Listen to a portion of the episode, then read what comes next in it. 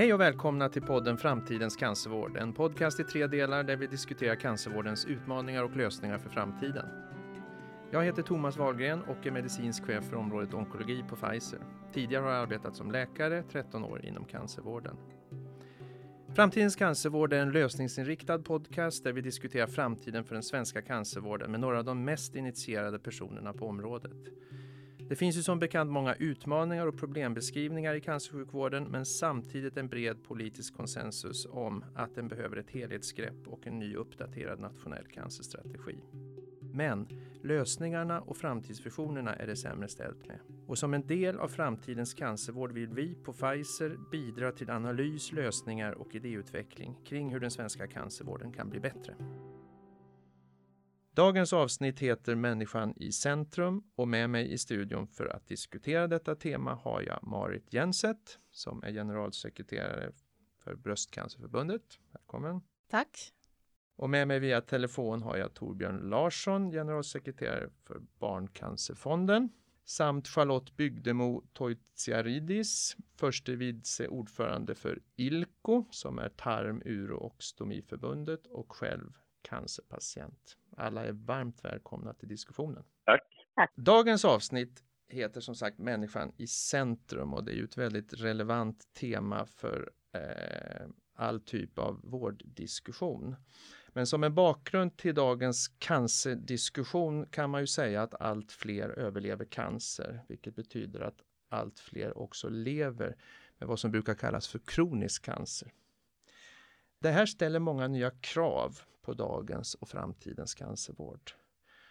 Och frågan är hur kan vården bli bättre på att placera människan i centrum under hela sjukdomsförloppet? Och jag tänkte börja den här diskussionen med begreppet patientcentrerad vård som har varit ett viktigt område och diskuterats i många år. Till att börja med, hur definierar ni patientcentrerad vård? Vad säger du Marit? Ja, det där är ju ett begrepp som eh, man kan fundera på.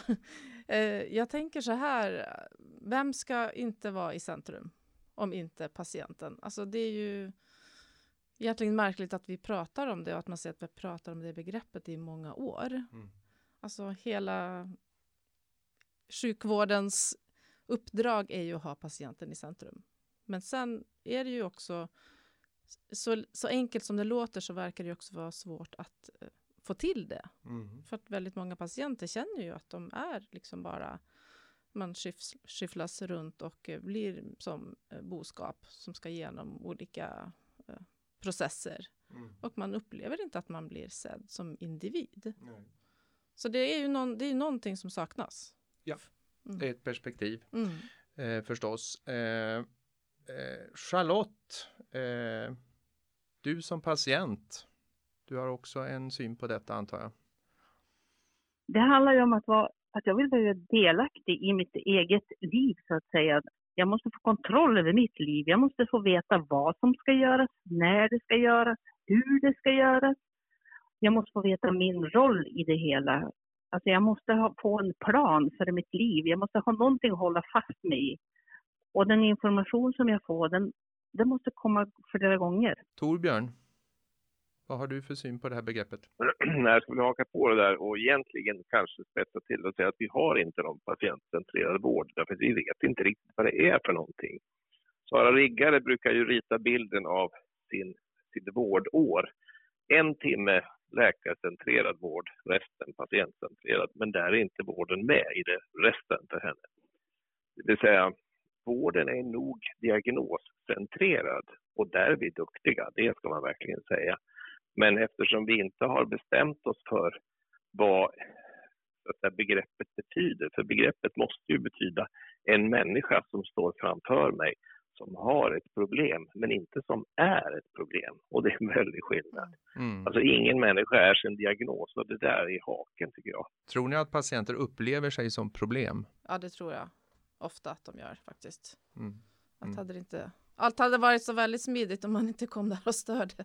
Mm. Vad säger processer. du Charlotte? I vart fall i ett väldigt underläge. Man får vara ödmjuk som patient. Ja. Ja, man, har ju, man är ju per definition en person som bär på någonting som ska rättas till. Mm. Men när det gäller kroniska sjukdomar så kommer det inte att rättas till utan man ska leva med det. Man ska leva ett bra liv med mm. det. Och det är ju något helt annat. Mm. mm. Eh, tro, trots allt, eh, jag tror att jag kan hålla med om problembeskrivningen och också från min egen erfarenhet. Eh, men trots allt har det ju skett lite framsteg på senare år i alla fall, bland annat individuella vårdplaner och kontaktsjuksköterskor.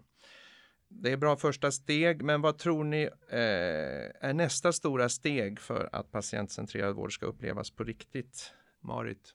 Nej, men jag tror det som vi redan har pratat om, att man måste se, se individen framför sig. Alltså den här, ska man leva ett långt liv med cancer så är det så mycket mer än den här medicinska behandlingen mm. och det medicinsk-tekniska. Sen kommer hela livet efter, alltså den här frisk, risksjuk perspektivet som många pratar om. Man eftersjuk kommer ju också frisk. Alltså, men där stannar vi ofta den här modellen.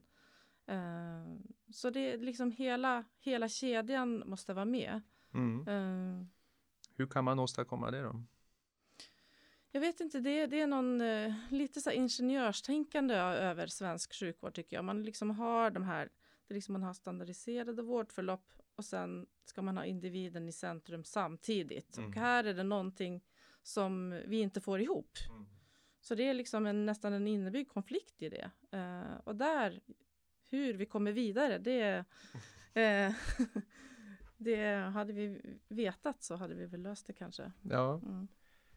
Torbjörn, uh, vad har du för kommentar på det? Ja, jag håller med, men samtidigt så tänker jag att för mig handlar det om att gå tillbaka till Hippokrates. Mm. vad var det han sa? Jo, han sa att målet med sjukvården är autonomi. Mm. Det är inte beroende. Och vi är kanske lite väl tyngda i tanken att vi ska vara sjukvårdsproduktionsberoende. Mm. Eh, och där måste ju sjukvården lära sig att jobba på ett helt annat sätt. Att lära sig att arbeta tillsammans med patienter och lära sig att släppa taget och betro patienter eh, en helt annan förmåga. Sen tror jag också att det finns ett hårt område. Det är en maktfråga. Alltså vi har en väldigt svag patientlagstiftning i Sverige. Tittar man på Europa så ligger vi riktigt illa till och det där är ett problem. Därför att någon har makten över mig. Vad ska jag göra egentligen som patient? Mm. Som patient, Charlotte, vad, vad, vad tror du är nästa stora steg för att det här ska bli verklighet?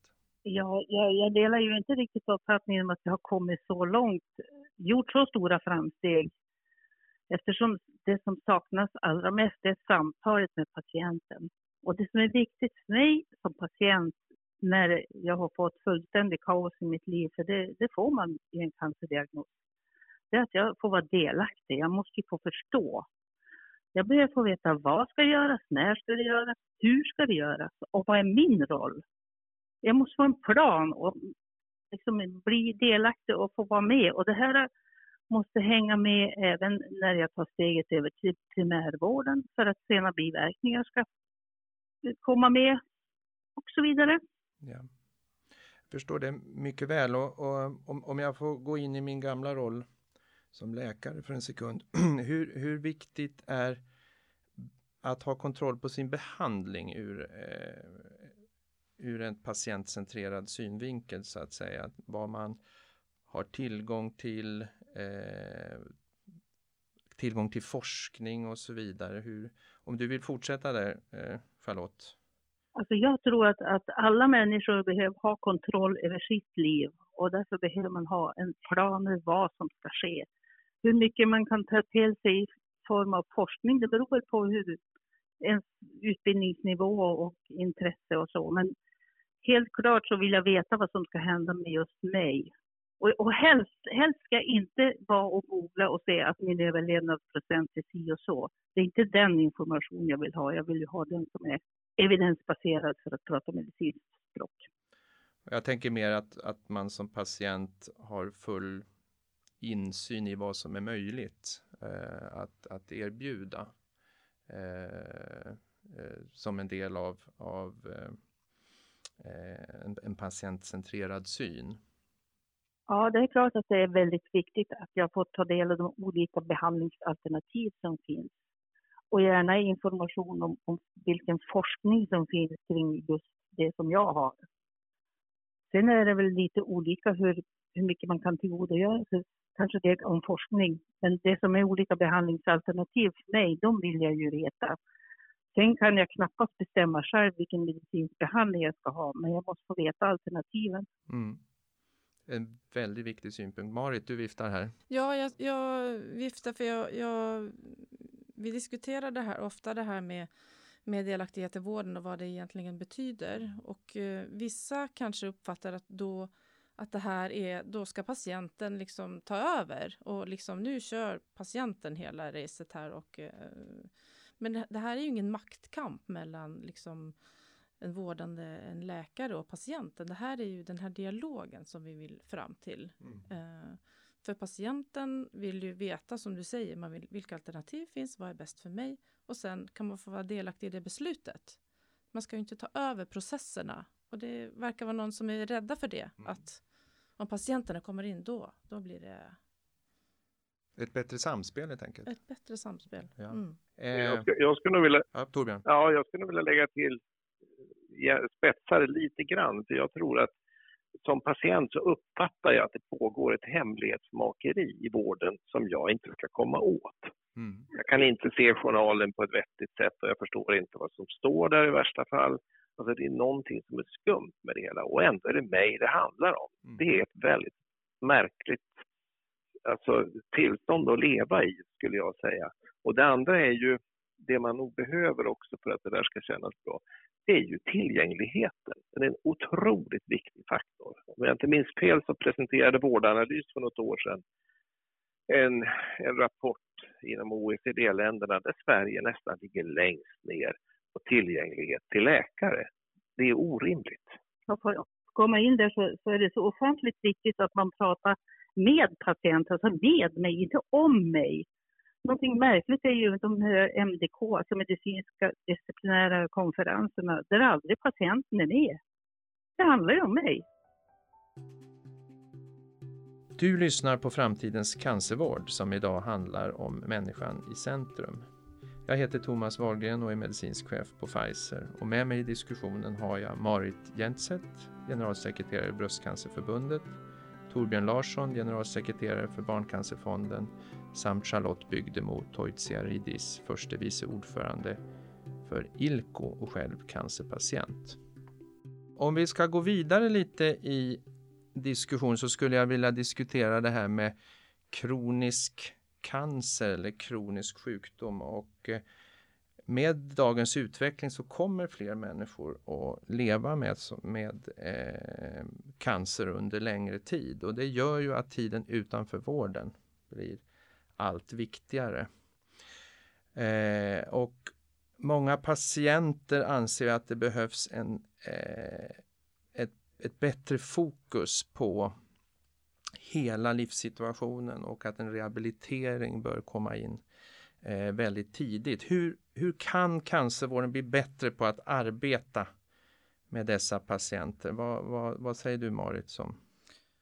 Så rehabiliteringen måste ju höjas. Statusen för rehabilitering måste höjas. Alltså det är ju en del och ses som en del av själva behandlingen och efterbehandlingen och det som är inkörsporten till det friska. Mm.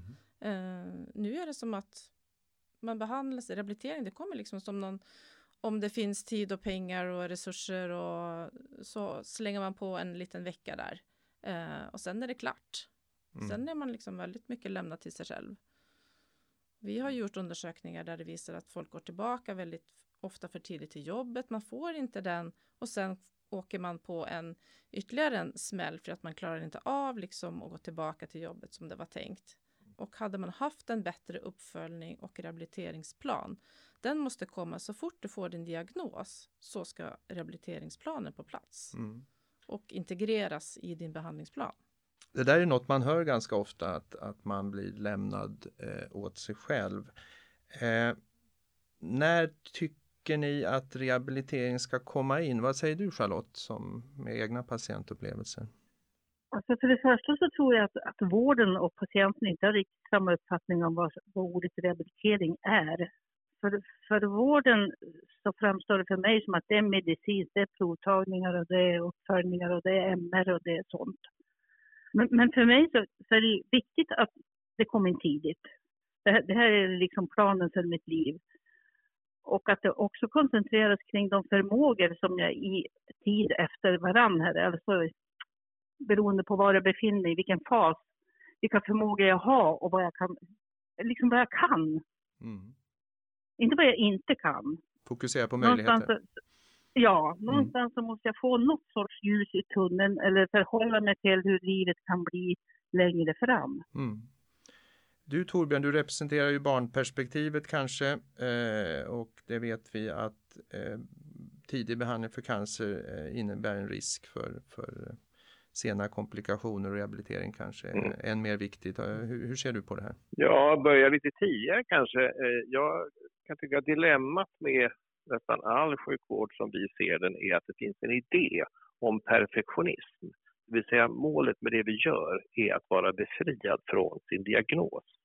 Och eftersom det inte är sanningen, utan sanningen snarare är att man kan mycket väl leva med diagnoser och ett bra liv och därmed arbeta på ett annat sätt, så är det utgångspunkten. Jag kan verkligen tycka att det är besvärande, för det känns som att vi i Sverige, vi har en grund och bra diagnosbehandling och sen lägger vi på lite grädde och lite mos lite här och var som handlar om rehabilitering. Jag kommer precis ifrån Boston mm. och Dana Farber Children Cancer Hospital och där börjar rehabiliteringen i samma ögonblick, eller det kanske är habilitering, jag vet inte, i samma ögonblick patienten kommer in, det vill säga ett litet barn kommer med sina familjer. Då screenas familjen evidensbaserat och så tittar man, okej, okay, den här familjen, om man har tre nivåer man delar in det, är ganska grovt. Men alltså inbäddat i vården finns hela föreställningen och kunskapen om att det här har ett livslångt perspektiv. Det kommer att ändra sig under tiden. Det kommer att inbegripa skola, försäkringskassa, arbetsförmedlingen om vi översätter det till Sverige. Eh, och vi måste följa med hela vägen så att det här blir bra. För det blir väldigt dyrt annars. Det blir väldigt sorgligt ur ett livskvalitetsperspektiv annars och därför så måste det här hänga ihop. Jag är så imponerad över att vi orkar göra ett annat upplägg än det vi gör. Absolut eh, och eh, det för mig ganska osökt in på eh, mitt, näst, min, mitt nästa område här och det är eh, helhetsperspektivet på cancerpatientens livssituation och det, det är ju något som också har lyfts av bland annat av landets sex patient och närstående eh, råd. Eh, och ett förslag som vi har lagt i vår rapport är att man skulle utse en nationell samordnare för liv med cancer och en sån person skulle kunna samordna aktörer, stärka rehabilitering, psykosocialt stöd och även titta lite på stödet i arbetslivet för de som lever med kronisk cancer. Ja, hur ser ni på en sån lösning? Vad säger du som representant för Bröstcancerförbundet? Marit? Um, ja, jag läste det i er eh, rapport där och jag, eh, vi har inte tagit ställning till det på något sätt. Men eh, ja, och jag ser kanske inte riktigt framför mig det skulle vara intressant att höra mer vad ni tänker, alltså, eller bakom ett sådant förslag, vad som ligger i det. Um, vi har ju samordnare på olika områden och jag vet inte om det har liksom löst problemet riktigt. Uh, men det kan ju vara att det här är den den, den samordnaren som är den saliggörande, vad vet jag? Nej, jag, jag, jag tror att det, det, är väl mer ett, ett, initiativ för att få ett, ett, ett helhetsgrepp. Vi har ju väldigt många aktörer i Sverige som är inblandade, inte bara sjukvården förstås och vi har säkert aktörer som inte är tillräckligt inblandade också. Eh, och eh, jag tror att det här är ett försök, ett förslag att, att skapa en debatt omkring kan, kan vi bli bättre på hela, att ta hand om hela förloppet. Mm. Och inte bara fokusera på, på den del eh, där, där den medicinska insatser krävs. Alla goda idéer välkomna. Det är bra. Mm. Torbjörn, har du någon kommentar? Ja, eh, min ständiga kommentar är alltid att den svenska sjukvården är providerdriven, det vill säga det är producenten som eh, föreslår saker och ting. Och den lyckas alltid glömma bort patienterna. Den frågar aldrig efter vad patienterna säger egentligen. Mm. Och då kanske jag är lite misstänksam mot den här tanken därför att centralstyrning utav hur människor är, det är jag inte säker på. Jag tänker mig att det handlar om väldigt mycket utbildningsfrågor eh, för professionerna. Alltså en annan inriktning på vad är sjukvård eh, och vad är hälsa? Det handlar om attitydförändringar eh, och, och kanske, jag tänker WHOs begrepp eller definition av hälsa säger ju att hälsa är detsamma som fysisk, psykisk och existentiell mm. hälsa. Mm. Och det är något helt annat än att fundera på cancerpatienter eller cancerdiagnoser. Alla människor vill leva ett någorlunda vanligt liv och många gånger så får inte de som har haft cancer göra det för vi orkar inte se individen. Vi tänker bara i ettor och nollor, antingen är man frisk eller också är man sjuk. Mm. Eh, systemen tänker så och vi tänker så. Så det handlar ju om ett mindset. Mm. Och där tror jag väldigt mycket handlar om maktförskjutningarna. De är jättejobbiga därför att providern vill inte släppa makten. Charlotte, har du någon kommentar till en nationell samordnare? Alltså det är ett bra förslag om det här är någon som kommer att ha tänder. Eller kommer de 21 olika regioner att kunna besluta lite som de vill, som mm. de gör nu. Mm. Och, och, det är ju en väldigt intressant synpunkt. Vi kommer ju beröra det här med nationell samordning, nationellt ansvar, nationell styrning i, i senare program i den här serien. Och eh, det är ju en högst relevant fråga för cancervården som också är så väldigt specialiserad och eh, eh resurskrävande hur, hur, hur, den ska styras. Eh, så att jag förstår verkligen den här synpunkten. Man kan nog se det här som, som ett, eh, ett, ett, ett försök till att ett nationellt initiativ, möjligen i linje med vad vi har skapat med eh, de regionala cancercentra och så vidare. Men, men ursäkta, är det inte då så att, att Charlotte är inne på en väldigt viktig grej? Det här att styra centralt i ett system som uppfanns av Axel Oxenstierna där man inte kan styra centralt. Det är väl nästan dömt att bli åtminstone inte särskilt framgångsrikt. Alltså det finns ju grundstrukturer som är helt felaktiga ur ett patientperspektiv. Möjligen ur ett politikerperspektiv så är de jättebra. Men som patient kan man inte applådera. Jag är beredd att hålla med. Eh, det här skulle vi kunna diskutera hela programmet kring eh, och jag, jag, jag, tror att vi får en, en, en, en, fortsättning i senare avsnitt. Jag har några områden till som jag gärna skulle vilja mm, hinna med, bland annat anhörigperspektivet och ni som jobbar inom det här området vet ju att det drabbar ju inte bara den sjuke med en cancerdiagnos utan också alla i patientens närhet. Eh, och då skulle jag vilja börja med dig Torbjörn eftersom barncancervården kanske är ett tydligt exempel och eh, ett förslag som vi har är extra stöd till barn och familjer med, med cancer i, i vår rapport. Vad, vad tror du, vilken satsning eh, behöver man göra för att anhöriga ska få ett optimalt psykosocialt stöd? Ja, för det första måste man börja att definiera sjukdomen som en familjesjukdom. Det är inte en person det handlar om, utan det handlar om en hel familj som drabbas. I, i, I, USA vet man att genom forskning vad som drabbar till exempel ett syskon som får sämre förutsättningar bara genom att vara ett syskon. Det finns oerhört mycket att säga om det här, men jag tror att det handlar om att också förstå Eh, alla de stödsystem som vi i Sverige kallar välfärd måste involveras och designas för att fungera för en familj. Jag träffar ju föräldrar som eh, efter två års leukemibehandling, bägge två är arbetslösa och farmor i familjen säger så här. Ja, den här familjen, de har Kronofogden efter sig och lever på min pension och mina besparingar och de är snart slut. Mm. Det är också en bild av hur det kan vara i verkligheten, så det är verkligen på allvar. Och där måste man ha en, verkligen en helhetsbild av vad som händer och börja dag ett. Mm.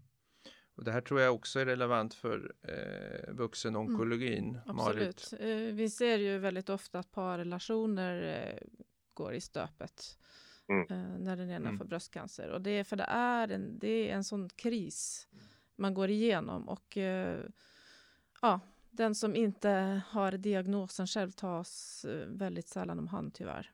Vad tror du man kan göra åt det? Ja, återigen, det är väl det här holistiska perspektivet, alltså på alltså människan, man är inte sin diagnos, man är i ett sammanhang och man, man måste se det sammanhanget. Mm.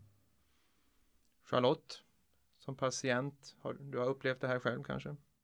Ja, det har jag. Alltså, det här, jag tyckte att det var rätt intressant att beskriva det som en familjesjukdom och det gäller ju även vuxna, för att även vuxna med cancer kan ju ha barn.